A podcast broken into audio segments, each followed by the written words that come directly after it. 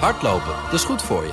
En Nationale Nederlanden helpt je daar graag bij. Bijvoorbeeld met onze digitale NN Running Coach... die antwoord geeft op al je hardloopvragen. Dus, kom ook in beweging. Onze support heb je. Kijk op nn.nl slash hardlopen. The Daily Move. BNR Nieuwsradio. Kees Dorrestein en Liesbeth Staats. Ja, veel Poetin en veel Biden vandaag in deze uitzending. President eh, Biden, naar verwachting, gaat over een klein kwartiertje beginnen aan zijn speech. Intussen denken we ook nog na over de speech van uh, Vladimir Poetin. En ook in politiek Den Haag wordt erover gesproken. Ze hekelen de beschuldigingen van de Russische president en zijn mededeling dat hij dat nucleaire verdrag met de Verenigde Staten opschort. In Den Haag zijn politiek verslaggevers Sophie van Leeuwen en Tweede Kamerlid voor het CDA Agnes Mulder. Welkom beiden. Sophie, de Tweede Kamer debatteert straks over één jaar oorlog in Oekraïne. Wat hoor jij over die speech van Poetin daar in Den Haag? Nou, het debat gaat vanavond beginnen. En tot nu toe is het wel de-escaleren, de-escaleren in de wandelganger, hoor Lisbeth. Ik sprak net uh, Sjoerd van D66. Die zegt eigenlijk, laten we maar niet reageren hè, op dat nucleaire verdrag. Doe dat niet. Je hoort ook woorden zoals een tergende speech of surrealistisch... Hmm. als het gaat om het verhaal van Poetin. En ik sprak ook zojuist uh, minister Wopke Hoekstra van Buitenlandse Zaken... over de toespraak van Vladimir Poetin. Heb je de speech van eh, Poetin uh, gezien, meneer Hoekstra? Ik heb niet gezien, maar ik heb net wel de hoofdlijnen gehoord. En ja, dat is natuurlijk dezelfde holle retoriek die we vaker hebben gehoord. En waarbij je echt afvraagt of hij zich niet in een parallel universum bevindt. Het opzeggen van het startverdrag, het nucleaire verdrag. Hoe uh, gevaarlijk is dat volgens u? Nou, praktisch zijn de consequenties eh, van wat hij gezegd heeft, eh, eerlijk gezegd, relatief beperkt. Want hij zegt dat NAVO-landen, en dan gaat het natuurlijk eigenlijk over Amerika, niet meer mogen controleren um, wat er precies gaande is. Politiek is dit natuurlijk een signaal waarmee hij laat zien uh, dat hij opnieuw uh, bereid is om de confrontatie te zoeken met het Westen. Hoe moet het Westen daarop reageren of niet reageren? Ja, het is in ons aller belang om uh, dit type verdragen, die uiteindelijk bedoeld zijn om nog veel grotere ellende te voorkomen, om daar gewoon aan vast te houden. En dat zal ook altijd de inzet zijn van Nederland.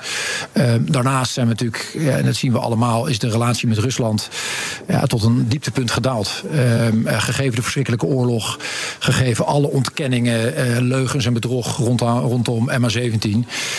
en ook wat de diplomatiek de afgelopen weken weer is gebeurd, zie je het, het uitzetten van, van ambassadeurs. Andere vraag over Rusland. in Van der staat vandaag dat Heineken blijft investeren in Rusland, ondanks dat ze eerder dat willen wij niet meer. Hoe kijkt u ernaar als minister van Buitenlandse Zaken? Nou, er zijn bedrijven die vallen onder de sancties. En bedrijven die onder de sancties vallen, die hebben zich daaraan te, te houden. Want die komen anders eh, onmiddellijk in aanvaring met het OM en met de strafrechter en volslagen terecht.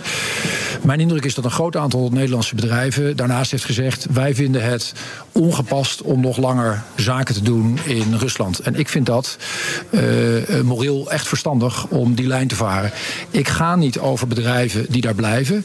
Maar eerlijk is eerlijk, ik vind dat wel heel ingewikkeld. Ik vind het echt heel ingewikkeld dat met wat daar gaande is, uh, oorlog terug op ons continent, uh, de meest verschrikkelijke verhalen over wat Rusland allemaal uithaalt, uh, dat je dan doet alsof het business as usual kan zijn. Uh, dus nogmaals, ja, ik ga daar niet over. Daar gaat een raad van bestuur over en een raad van commissarissen.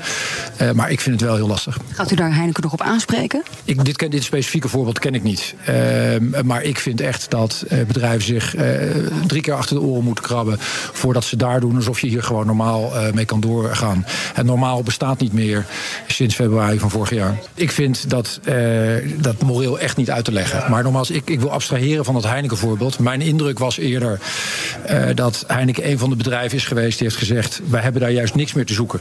En ik vind ook dat voor regeringen en bedrijven die overigens een andere verantwoordelijkheid hebben. Ja, dat je niet kan doen als, uh, uh, alsof hier een, een, ja, zodanig klein verschil is dat je eigenlijk gewoon kan doorgaan op de ingeslagen weg. Nee, we hebben echt te maken met een volstrekt andere situatie. Zie alle inzet van de Nederlandse regering en van al onze bondgenoten. Dus dan, dan kan je niet op deze manier verder, vind ik. Dat was minister Wopke Hoekstra van Buitenlandse Zaken. Niet blij met de speech van Poetin en ook niet met bedrijven die in Rusland blijven investeren, juist nu. Nee, dat was duidelijke taal. Uh, Agnes Mulder van het CDA. Uh, bent u het eens met Hoekstra? Is het moreel verwerpelijk? Ja, en we hadden ook afgelopen week nog een aantal uh, Nederlandse bedrijven die ook zaken doen in, uh, in Rusland uh, bij ons in de Tweede Kamer. Om hen ook te vragen van nou, hoe gaat dat daar nu? Want je zit er nog, terwijl andere bedrijven daar al weg zijn. Dus kun je ook aangeven waarom dat nou in zit. En eigenlijk waren ze allemaal van we zijn aan het afbouwen. En hadden ze eigenlijk allemaal wel goede argumenten waarom dat op deze manier ging. Um, een van de bedrijven die aanwezig was, die deed het een en ander in kinder- en, en, en, en moederzorg. Ja, dat, is, dat zijn dan niet directe dingen waarvan je zegt van nou, dat moeten we dan maar even nu uh, ja. daar niet mee gaan doen. Maar een biertje? Maar een biertje, ja, daar heb ik wel moeite mee. Dat vindt u ook ingewikkeld, net zoals ja. Hoekstra. En Absoluut. Um, even terug naar de speech van Poetin. Ja, schok u? Ja, want hij, uh, hij maakt er gewoon echt een totaal omgekeerde wereld van. Hè? Hij zegt gewoon van, nou uh, ja, nee, maar dat, dat, uh, dat die oorlog er nu is, dat, dat ligt aan het Westen. Terwijl er is één land die Oekraïne is binnengevallen. En dat was toch echt Rusland. En dat hebben we op 24 februari vorig jaar gezien. En ik ga het er straks ook over hebben in een debat. Dit was gewoon een gitzwarte dag voor Oekraïne en voor Europa. De inval is illegaal, is gewetenloos, is onverantwoord. Een flagrante schending van het volkenrecht. Echt een stap terug in het verleden van de Koude Oorlog.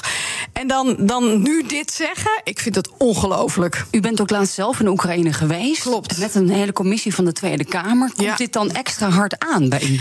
Ja, want wij reden rond in Irpin en de Russen hebben daar gewoon 70% van de gebouwen helemaal kapot geschoten. En de mensen er natuurlijk eh, bij. En dan, dan loop je daar rond en je ziet gelukkig nu de veerkracht. Ze zijn aan het opbouwen. Er komen weer daken op, eh, op appartementencomplexen. Maar dan deze uitspraken, terwijl je het zelf hebt gezien, eh, nog geen jaar geleden daar. Ik vind het ongelooflijk dat deze man dit op deze manier doet. Maar mevrouw eh, Mulder, u zegt nou ja, ik schrok van de toespraak. Toch was het heel veel herhaling van zetten, wat Poetin zei. Heel veel heeft hij eigenlijk al gezegd. Is het dan nog steeds schrikken?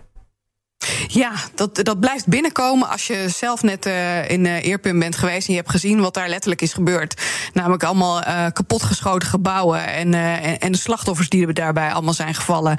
En hoe moeilijk het is voor mensen om het allemaal weer op te pakken. En dan zo met zo'n gemak, met zo'n pennenstreek bijna, hè, van ah, het, het, valt allemaal wel een beetje mee. En ja, ik doe eigenlijk gewoon eigenlijk alles ontzettend goed. Het is ook geopolitiek. Het is ook natuurlijk het Westen neerzetten ja. als de boeman, ja. ook in andere ja, delen van klopt. de wereld. Hè. Neem Afrika bijvoorbeeld. Dat klopt. Dus in Afrika, Azië, uh, Zuid-Amerika doet hij dat.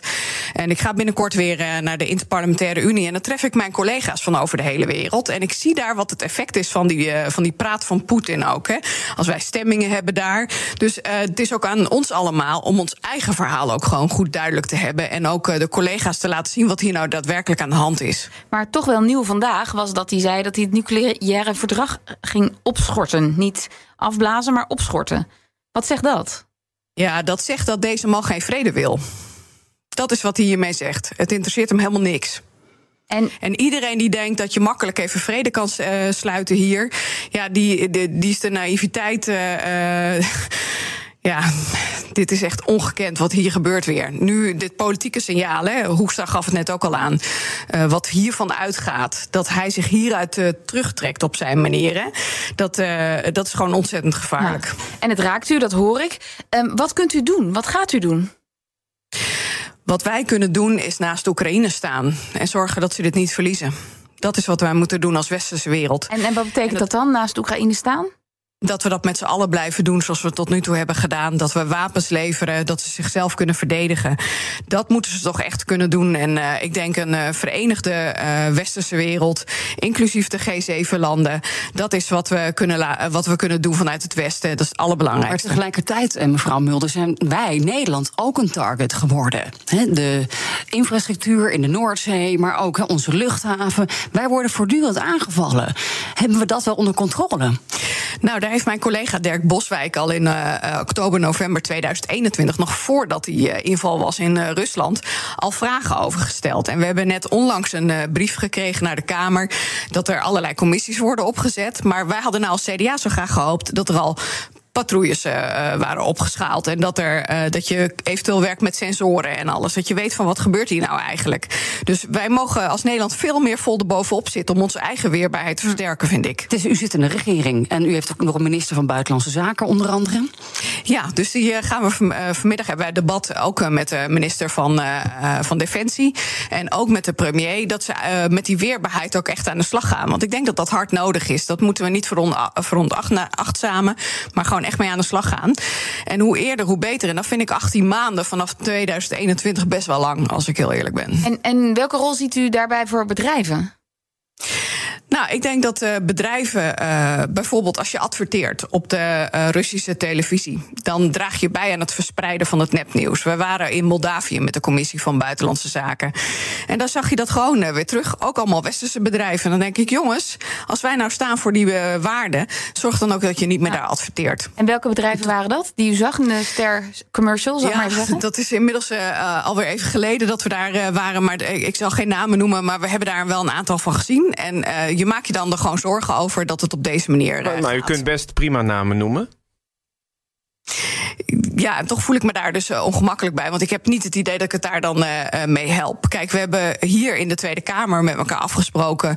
De Nederlandse bedrijven die we hier uh, zien, die gaan we ook aanspreken hier in het Nederlands parlement. Dit waren andere grote internationale bedrijven. Ja, dus er waren ik geen Nederlandse commercials? Tenminste, commercials van. Dat, dan zou ik daar een heel onderzoek nu nog weer naar moeten doen. Is misschien wel verstandig om daar nog eens even tegen het licht te gaan houden. Heineken was er niet bij?